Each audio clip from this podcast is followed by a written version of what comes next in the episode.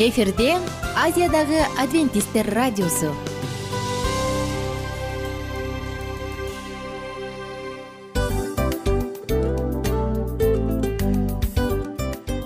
Достор салют.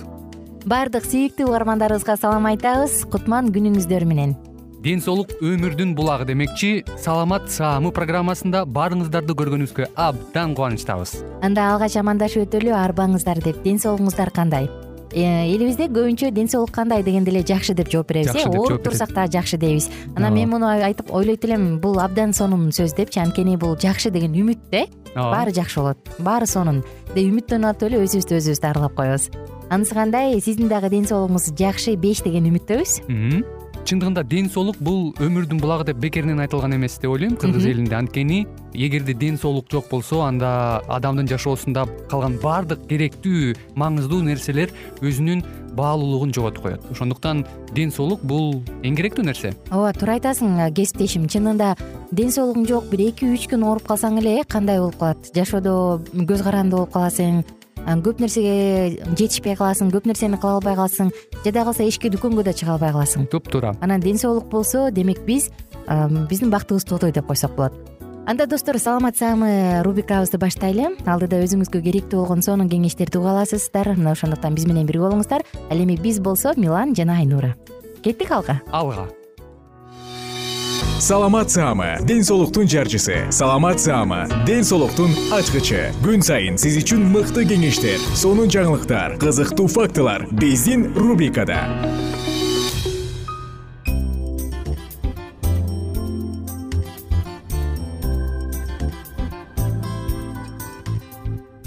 Саламатсыздарбы достор. Жалпы биздин сүйүктүү угармандарыбызга салам айтабыз. Жана сиздер менен кайрадан үн алышып э, бул саатыбызды баштадык бул саат албетте саламат саамы. Демек ден соолуктун камын көрөбүз. Демек ден соолук тууралуу ойлонобуз. Мына ошондуктан биз менен бирге болуңуздар. Убада кылгандай эле биз сиздер менен экинчи бөлүмдү баштадык. Бул ар бир орган үчүн суусундуктар деп аталат. Жана дароо эле көздөн баштайлы анткени көз адамдын эң маанилүү органы эмеспи. Көз жөнүндө. Негизи биз айта турган азыркы кайсы бир жашылчалардагы мөмө жемиштердеги пигменттер булардын баардыгы эң күчтүү антиоксиданттар. Жана алар көздүн торчосун абдан сактап коргоп көрүүнү дагы курчутат. Үч пигменттүү деп аталган бир рецепт менен бөлүшөлү. Адамдын көзүнүн торчосу бул көздүн эң эле сезимтал келген бөлүгү э. Ал жакта биологиялык оптикалык сенсор бар. Анан алардын баардыгы тең жарыктын нурларын электрикалык импульстарга айлантат. Мына ошондуктан адамдын көзүнүн торчосу канчалык деңгээлде светке жарыкка сезимтал келсе демек ал жакта кайсы бир өсүмдүк пигменттерине муктаж дегенден кабар берет. Жана албетте регенерациясы болуп кетпеш үчүн көздүн көрүүсүн көздүн курчтугун сактап калыш үчүн биз канчалык бир деңгээлде аны коргошубуз керек. Эми достор трех пигмент же үч пигменттүү деп өзү эле айтылып тургандай үч түстүү деп айтылып тургандай эле бул жакта кайсы бир түстүү кайсы бир өңдүү өсүмдүктөр колдонулат. Алардын баардыгына көздүн торчосу муктаж биринчиси саргыч түстө бул бета каратин сабиз албетте сабиз достор. Сабизде бета каратин абдан көп. Экинчиси сары лютеин. Муну шпинаттан алабыз. Жана үчүнчүсү көгүлтүр бул антоциан. Биз черникадан кара моюлдан же голубиканын курамынан ала алабыз. Дал ушул жогоруда санаган үч түстөгү үч түстү камтыган үч пигменттүү сок. Эгерде биз аны иче турган болсок көзүбүзгө жакшы таасир калтырат кандай албетте ал биринчи эле кезекте көздүн курчтугун өөрчүтөт көзүбүз тим эле сонун көрүп калат. Экинчиден жарыкты кабыл алууну жакшыртат. Ошондой эле көз өтө жарыктан жарык өңдөрдөн чарчап калган кезде бул чарчоону алат. Жана кийинкиси караңгы өңгө караңгы ылыкка караңгылыкка негизи эле адаптация болууну жакшыртат.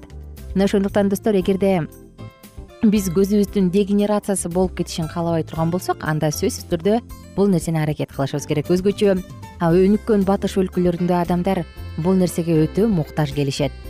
Эми мындай үч пигменттүү соктун касиетин айта турган болсок адамдын көздүн көзүнүн көрүүсүн жакшыртат коргойт антиоксидант болуп саналат ошондой эле минералдаштырат адамдын организмин тазалайт онко ооруларды онкологиялык ооруларды мыкты профилактика жана витаминдүү мунун курамында кандай минералдар витаминдер бар? Келиңиздер бир гана порция сокду ала турган болсок үч пигменттүү анын курамында витамин к а с фалат б алты витамини калий витамин е б эки витамини магний б бир витамини темир кальций цинк. Мына ушунун баардыгы тең бар ошондуктан достор эгерде сиз көрүүңүздү жакшы бойдон сактагыңыз келсе анда ар кандай түстүү тамак аштарды жашылчаларды жеңиз сабиз шпинат кара моюл голубика мына булардын баардыгы көздүн көрүүчү клеткаларын кайрадан калыбына келтирүүчү мыкты азыктар.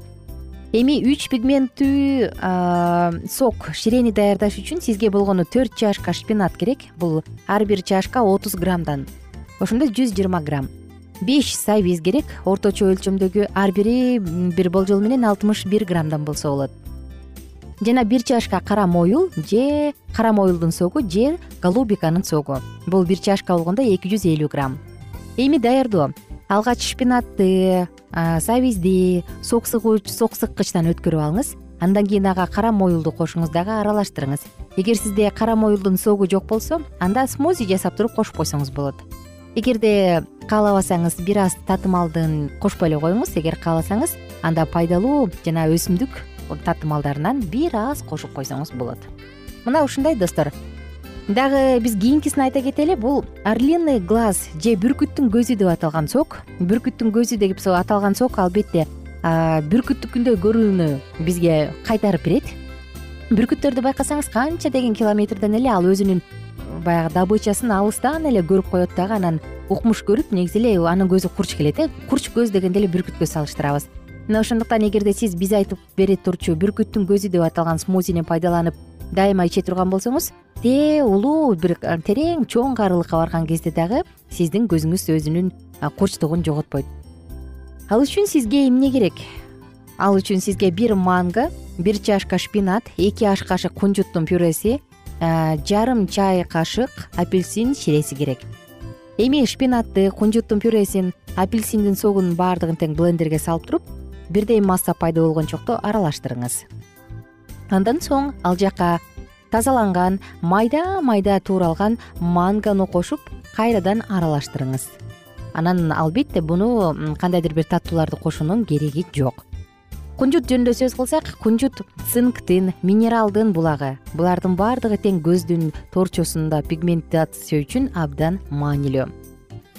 Бүркүттүн көзү деп аталган соктун ширенин смозинин касиеттерин айтсак көздүн көрүүсүн коргойт. Сонун антиоксидант жана азыктандыруучу смузи. Кротоноид жана цинктер жөнүндө да айта кетели достор. Манго шпинат апельсиндер абдан кротоноидке абдан абдан бай келет аларды ар кандай түскө боеочу пигменттер бул саргыч сары кызыл жана жашыл түстөр. Булардын баардыгы тең көздүн торчолору функциясын жакшы аткарыш үчүн маанилүү. Мындай смозилер толугу менен вегетариандык болуп саналат. Булардын курамында глютен жок ошондуктан кимде кимде целиакация бар болсо жөн гана тынч жүрөк менен иче берсе болот. Ошондой эле диабетиктер үчүн дагы сунушталат кимде кимде эгерде аллергия бар болсо анда кунжуттан аллергия болсо абайлаңыздар. Жана ошондой эле антиоксиданттык активдүүлүгү абдан жогору. Элүү пайыз бир суткалык дозаны толугу менен жаап коет. Мына достор бүгүн сиздер менен дал ушул көзгө пайдалуу эки смузи жана сок жөнүндө сөз кылдык. Өзүңүздүн рационуңузда пайдаланып муну дагы албетте камын көрүп өзүңүздүн келечегиңиз өзүңүздүн тээ карылыгыңыз үчүн азыртан кам көрүп койсоңуз болот мен болсо сиздер менен коштошом күнүңүздөр көңүлдүү улансын. Бар болуңуздар.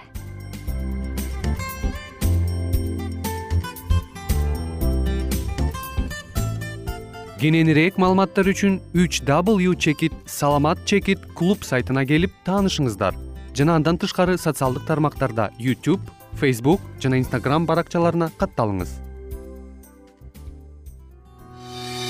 саламат саама ден соолуктун жарчысы. Саламат саама ден соолуктун ачкычы. Күн сайын сиз үчүн мыкты кеңештер сонун жаңылыктар кызыктуу фактылар биздин рубрикада.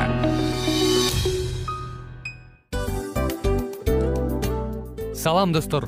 Кайрадан биздин сүйүктүү рубрикабызга кош келиңиздер деп айтмакчыбыз.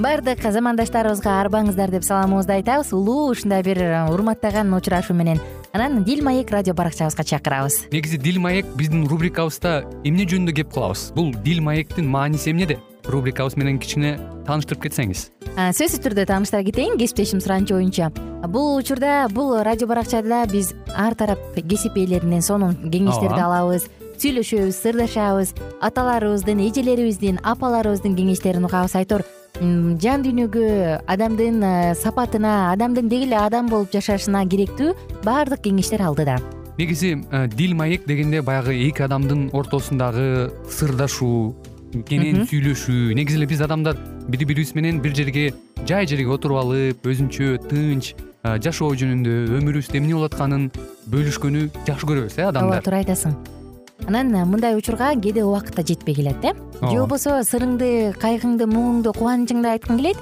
а адамга ишенбешиң мүмкүн. Ооба. А бул радио баракча угармандарыбыздын чыныгы досу анткени бизден алган кеңеш сиздин жашооңузга чоң жардам берет. Ал эми сиздин бизге айта турган сөзүңүз ортодо гана сыр бойдон калат. Ошондуктан биздин дил маек рубрикабызга дагы бир жолу кош келиңиздер. Жана биз даярдаган маалыматтарга даяр болуңуздар. Айнура жана милан сиздер менен бирге алдыга кеттик ар түрдүү ардактуу кесип ээлеринен. Алтын сөздөр жүрөк ачышкан сыр чачышкан сонун маек. Дил маек рубрикасында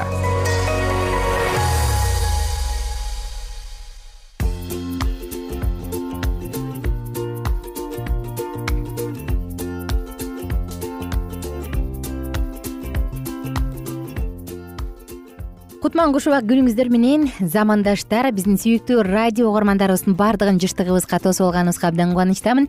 Жаңы күн жаңы мүмкүнчүлүк жаңы уктуруу жана бүгүнкү темабыз үйдөгү тарбиянын негиздери деп аталат. Ардактуу угармандар дил маек уктуруусунун алкагында бактылуу үй бүлө деп аталган сонун циклды андан ары улантуудабыз. Үй бүлөнүн пайдубалы үй бүлөнүн пайдубалына эмне кошулуш керек?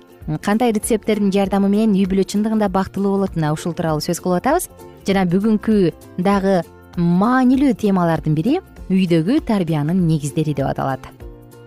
Алардын жаратуучусунан башка дагы ким балдардын муктаждыгын толук түшүнө алат? Ар бир үй бүлө эрежелердин колдонуусунда жүрүшү керек э? Ар бир жакта ар бир нерседе эреже болот э? Ата энелер өздөрүнүн сөздөрү жана жүрүш турушу менен өз балдарына көрсөтмөлүү баа жеткис үлгү көрсөтө алышат айткан сөз башка жасаган мамиле башка. Анысы кандай? Биздин жасаган ишибизден биздин жүрүм турумубуздан балдар тыянак чыгарышат.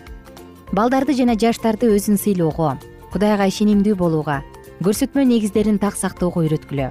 Аларды кудайдын мыйзамын урматтап жана ага баш ийүүгө үйрөткүлө. Үй бүлөлүк мамилени кудай өзү тургузган. Анын сөзү балдарды башкаруудагы бирден бир коопсуз жетек адамдын ой жүгүртүүсү кудайдын бергенинен артык эч нерсе ача албайт. Жана биздин кудайыбыз берген балдар менен баарлашуудан даанышмааныраак шарт түзүп бере албайт. Алардын жаратуучусунан башка дагы ким алардын муктаждыгын толугураак түшүнө алат? Алардын сак саламаттыгына алар үчүн курмандыкка өзүн бергенден башка дагы ким көбүрөөк көңүл бурат? Эгерде алар көңүл буруп ынталуулук менен кудай сөзүн изилдешсе турган болсо жана ага багынышса анда тентек балдардын жаман жүрүш турушун жана жан дүнүйөнүн кыйналуусу аз болмок. Караңыздарчы э жаратуучунун тарбиясы сүйүүсү кандай гана зор? Баланын милдети жөнүндө айтсак балдардын билим алууга жана дурус тарбияланууга укугу бар. Булар балдарга пайда келтирип кадырлуулукка жана жалпы коомдун туруктуу мүчөсү болууга үйрөтөт. Алардын азыркы жана келечектеги аман эсендиги мерчимдүү бир өлчөмдө алардын балалык же жаштык кездериндеги алган ийкемдүүлүгүнө ынталуулугуна жараша болот. Балдарды алгачкы жылдарынан баштап эле тил алчаактыкка жана башкалардын бактысы жөнүндө камкордук үйрөтүүгө зарыл. Аларды ачуусу чукул күйкөлөңдөмө адеп ахлактарынан чукул айтылуучу ачуулуу сөздөрдөн карманууга үйрөтүп өзгөрүүсүз боорукерликти сылыктыкты жана өзүн өзү кармануучулукту көргөзүп туруу зарыл эми кийинки кезекте сокур сүйүү жөнүндө сөз кылсак. Эх сүйүү сокур дегенде эле тоок сүйүүнү же сүйүүнүн көзү сокур деген сөздү эстеп кеттим. Балдарга болгон сокур сүйүү жана балдар тараптан болгон жалган эркелеп сылап сыйпоо ар учурда коштоп жүрүүчү нерселер э? Кээ бирөөлөр балдарынын тил албастыгын жаап жашыруу менен мынтип айтышат э? Менин балам мени жакшы көрөт. Бул чынында эле сүйүү эмес. Үй бүлөгө тарала турган чыныгы сүйүү ал тил алчаактык менен текшерилгендигинен баалуу. Көп сандаган балдардын жөнү жок эркелеп силерди кучактап өбүүсү силерди сокур кылат жана силердин балдарыңар муну билишет. Көп жагдайлардын төркүнүнө тереңдеп жана чындыгында балдардын ата энелерге болгон сүйүүсү кандай болушу керек экендигин көргөзүп коюңуз. Эгерде алар силердин айтканыңарды аткарып жана силердин көргөзмөлөрүңөрдү урматтабай турган болсо анда алардын кучактап өбүүлөрүн жасалма катары четке каккыла. Улуу адамдарга сокур жакшы көрүүлөргө куп макул мейли дей берүүлөр туура эмес. Ошону менен бирге алар чектен чыккан каардуулук көрсөтүүсү дагы дурус эмес иш. Сүйгөндүк менен аракеттенгиле. Эч качан балдарды каардуулук менен көңүлүн оорутпагыла же ойлонулбаган талаптарды бербегиле. Балдарды сүйүү менен башкаргыла дешет. Мен муну көп жолу байкадым. Өтө тажрыйбалуу үй бүлөлүк башкарууда жаман сөз жана туура эмес көз караш колдонулбайт. Ошондо балдар ата энелеринин жолу менен барышып жана бири бирине ачуулуу сөздөр менен өтө сейрек кайрылышат. Мен дагы башка бир үй бүлөлөрдүн арасында болдум. Аларда ар убакта өкүм берүүчү сөздөр менен тапшырма берилип жана токтолбостон катуу кагуулар өтө каардуу жасалуулар болуп турду ал жерде балдары дагы ата энелерин сүрөттөшүп каардуу сөздөр уруш талаш жана жаңжалдашуу эртеден кечке чейин ызы чуу түшүп жатты. Коркунучтуу коркунуч туудурган жана жан дүйнөдө сүйүүнү өлтүргөн сөздөрдөн сактаныңыз. Орой сөз балдардын мүнөзүн катуулантып жана жүрөктөрүн жаралантат. Жана кээ бир учурда бул жаракатты айыктыруу кыйын болот балдар кичинекей адилетсиздикти сезишет жана кээ бирөөлөрү ушунчалык каалагандыктан катуу аларга буйрук кылган каардуу үндөн жана жазалоо коркунучунан сезденип да коюшпайт. Балдарды анча мынча байкабайт кылган жаңылыштыгы үчүн катаалдык менен талкуулоо өтө коркунучтуу чектен чыккан катаал сындоо катуу эрежелер балдардын негизинде баш ийбөөгө алып келет жана мындай тарбия менен тарбияланган балдар буга окшогон баардык мыйзамдардан баш тартып коюшу мүмкүн мына ошондуктан достор. Бүгүнкү теманы алкагында бүгүнкү теманы сөз кылып жатып биз тарбияга дагы дагы бир жолу токтолгубуз келет. Кийинки уктурууда муну дагы улантабыз. Мына ошондуктан ага чейин биздин саатыбыздын соңку мүнөттөрүнө келип калгандыктан бир аз болсо да жыйынтыктай кетсек. Эгерде балаңыз сизди кучактап койсо тиле албай кыйкырып өкүрүп атса сиз урушайын дегенде барып кучактап койсо ага алаксып ага алданып калбаңыз. Бул сокур сүйүү бирок балага талап койгон соң анын аткарылышын көзөмөлдөңүз. Ошол эле учурда орой сөздөрдү кыйкырыктарды катуу үн туура эмес көз караштан абайлаңыз дешет. Мындай өтө эле кыйын э баланы жарым көз караш жарым сөз менен тарбиялаш бирок бул мүмкүн деп ойлойм. Өзгөчө эгерде кудайдан сурасак жаратуучудан сурасак анда бул нерсе мүмкүн деп ойлойм. Мына ошондуктан балдарды тарбиялоодо жаратуучубуз ар бирибизге өзгөчө акылмандуулук берсин балдарды жана жаштарды өзүнө өзү сыйлоого кудайга ишенимдүү болууга көрсөтмө негиздерин так сактоого үйрөткүлө. Аларды кудайдын мыйзамын урматтап жана ага баш ийүүгө үйрөткүлө деген сөз менен саатыбызды жыйынтыктайлы. Жаратуучунун сүйүүсү таптакыр такыр болбой калды бул деген деген адамды дагы өзгөртө алат. Балдарды андан беш бетер. Сүйүңүз сүйүктүү болуңуз бар болуңуз бактылуу болуңуз мен болсо сиздер менен кийинки уктуруудан кайрадан амандашам жана сонун темаларыбызды бирге улантабыз. Күнүңүздөр көңүлдүү улансын достор. Бар болуңуздар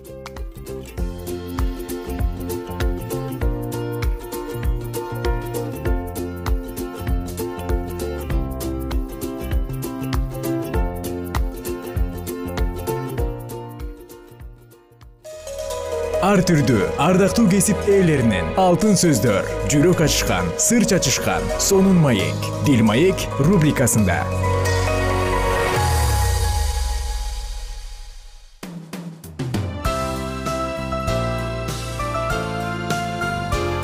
Эфирде азиядагы адвентисттер радиосу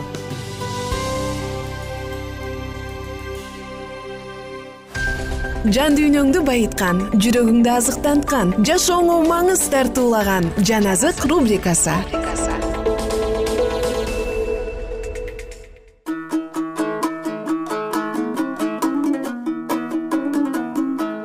Кутмандуу кушубак күнүңүздөр менен кадырлуу замандаштар бул убакыт качан гана учур кандай гана учур болбосун жалпыңыздар үчүн эң кутман учур болсун мен болсо сиздер менен кайрадан жан азык уктуруусунда үн алышканыма кубанычтамын. Саатыбызды уланталы жакан жазган жакшы кабарды окуп жатабыз.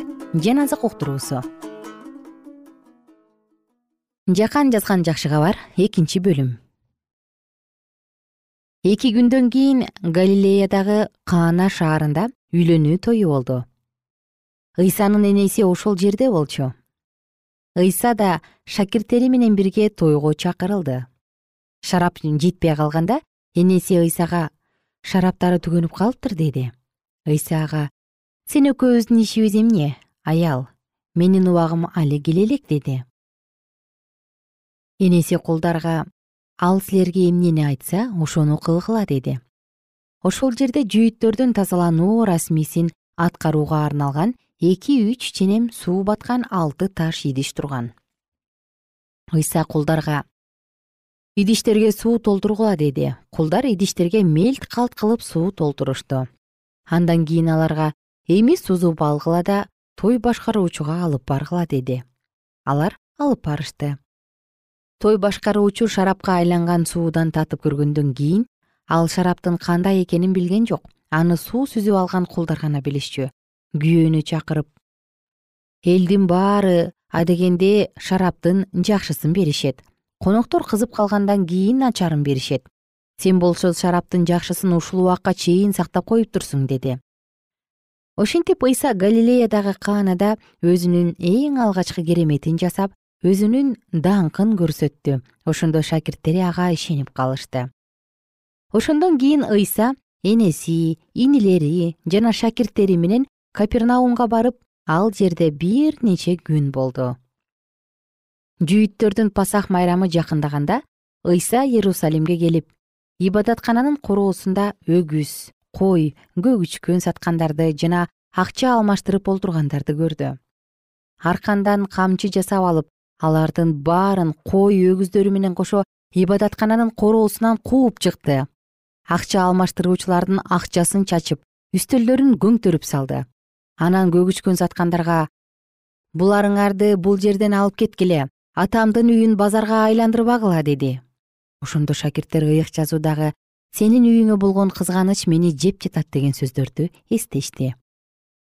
Жүйүттөр ыйсадан ушундай кылууга укугуң бар экенин кандай жышаан менен көрсөтө аласың? деп сурашты. Ыйса аларга бул ибадаткананы бузгула. Мен аны үч күндүн ичинде кайра тургузам деп жооп берди. Жүйүттөр буга бул ибадаткана кырк алты жылда курулуп бүткөн сен аны үч күндүн ичинде тургузуп коесуңбу дешти ыйса болсо ибадаткана деп өзүнүн денеси жөнүндө айткан эле. Ыйса өлүп кайра тирилгенден кийин шакирттери анын ушул жөнүндө айтканын эстешип ыйык жазууда жазылгандарга жана анын сөзүнө ишеништи. Көп адамдар ыйсанын иерусалимде пасах майрамында кылган кереметтерин көрүп ага ишенип калышты алардын баарынын кандай экендигин билгендиктен ыйса өзүн аларга ишенип тапшырган жок. Адамдын жүрөгүндө эмне бар экендигин билгендиктен ал кимдир бирөөнүн адам жөнүндө күбөлөндүрүүсүнө муктаж эмес эле. Жакан жазган жакшы кабар үчүнчү бөлүм.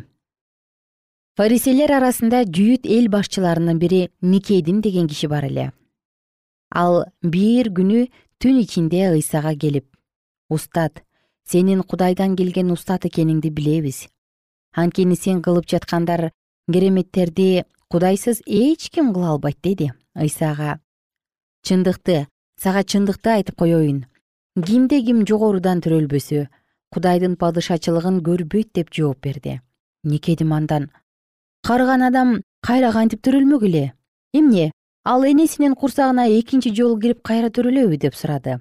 Ыйса ага мындай деп жооп берди чындыкты сага чындыкты айтып коеюн кимде ким суудан жана рухтан төрөлбөсө кудайдын падышачылыгына кире албайт. Денеден төрөлгөн дене рухтан төрөлгөн рух. Жогорудан төрөлүшүң керек деп айтканыма таң калба. Шамал каалаган жеринде согот. Анын үнүн угасың бирок кайдан келип кайда кетерин билбейсиң. Ыйык рухтан төрөлгөн адам да ушундай болот ошондо никедим андан бул кандай болушу мүмкүн? деп сурады. Ыйсага мындай деп жооп берди. Ысрайыл элинин окутуучусу болуп туруп ушуну билбейсиңби чындыкты сага чындыкты айтып коеюн биз билгенибизди айтабыз көргөнүбүздү күбөлөндүрөбүз. Силер болсо биздин күбөлөндүрүүбүздү кабыл албайсыңар мен силерге жердеги нерселер жөнүндө айтсам ишенбейсиңер. Анан асмандагы нерселер жөнүндө айтсам кантип ишенесиңер? Асманда жашаган асмандан түшкөн адам уулунан башка эч ким асманга көтөрүлгөн эмес. Муса чөлдө жылаанды жогору көтөрүлгөндөй адам уулу да жогору көтөрүлүүгө тийиш. Ошондо ага ишенген ар бир адам түбөлүк өмүргө ээ болот. Кудай бул дүйнөнү абдан сүйгөндүктөн өзүнүн жалгыз уулун берди. Кудай аны ага ишенген ар бир адам өлбөй түбөлүк өмүргө ээ болсун деп берди. Кудай өз уулун бул дүйнөгө дүйнөнү соттош үчүн эмес ал аркылуу дүйнөнү куткаруу үчүн жиберди. Ага ишенген адам соттолбойт ал эми ишенбеген адам соттолду анткени ал кудайдын жалгыз уулуна ишенбей койду. Соттун себеби мында. Дүйнөгө жарык келди бирок адамдар жарыкка караганда караңгылыкты жакшы көрүштү. Анткени алардын кылган иштери жаман эле. Жаман иштерди жасаган адам жарыкты жек көрүп кылган жаман иштери ашкереленбеши үчүн жарыкка келбейт. Ал эми акыйкаттык жолунда жүргөн адам кылган иштеринин кудайдын жардамы менен кылгандыгы көрүнүп туруш керек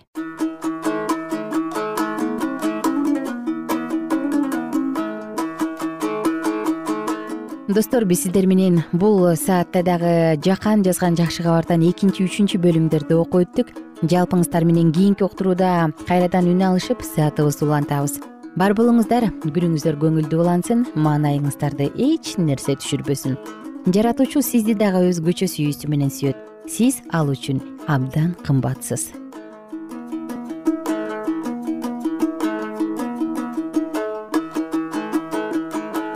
эгер сиздерде суроолор болсо же көбүрөөк маалымат билем десеңиз анда биздин whatsapp номерибизге жазыңыз.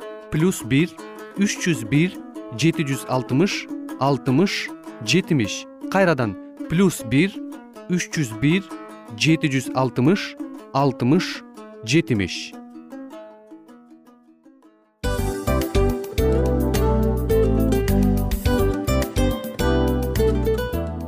мына ушинтип убакыт дагы тез өтүп кетет экен. Биз дагы радио уктуруубуздун аягына келип жеттик келип кубандырдыңар эми кетип кубандыргыла деп тамашалап калышат эмеспи анысы кандай? Радио баракчабызды программабызды азыр эле баштап аткандай болдук элек. Мына соңуна келдик э? Негизи убакыт э, билинбей өтүп кетет экен? Мен дагы убакыт дегенде бүгүн бир адам менен сүйлөшүп калдым. Анан убакыт бул мүмкүнчүлүк деп айтып өзүмө өзүм айтып алып анан мага өзүмө эле кайра ачылыш болду да чын эле Э, карап отурсаң ошол эле жыйырма төрт саат ошол эле жарым саат кайталанып атат бирок сендеги мүмкүнчүлүк жок ошол кой берилип кетти? Анысы кандай бүгүнкү сонун убактыңызды алтындай болгон жарым саатыңызды бизге бөлүп арнаганыңыз үчүн ыраазычылык айтабыз. Анан жашооңуздун кайсы бир сферасын өзгөртө турган сонун пайдалуу кеңеш алган болсоңуз анда биз максатыбызга жеттик. Анан ушул нерсени кылбасам десеңиз ошол өзгөрүүлөрдү кичинекей кадамдардан баштап иш жүзүнө ашырыңыз дагы жашооңузда чоң чоң ийгиликтерге жетиңиздер чын жүрөктөн ар бир берилген кеңештер сөздөр сиздерге пайдасын алып келет деп ишенебиз жана кийинки уктурууларда сөзсүз түрдө чыдамсыздык менен сиздерди күтөбүз. Сагынычтуу салам айтып кайрадан дал ушул жыштыктан баардыгыңыздарды тосуп алганча кызматта мен айнура жана кесиптешим милан анда кол пулга алайбыз жалпыңыздарга ийгиликтүү күн. Саламатта калыңыздар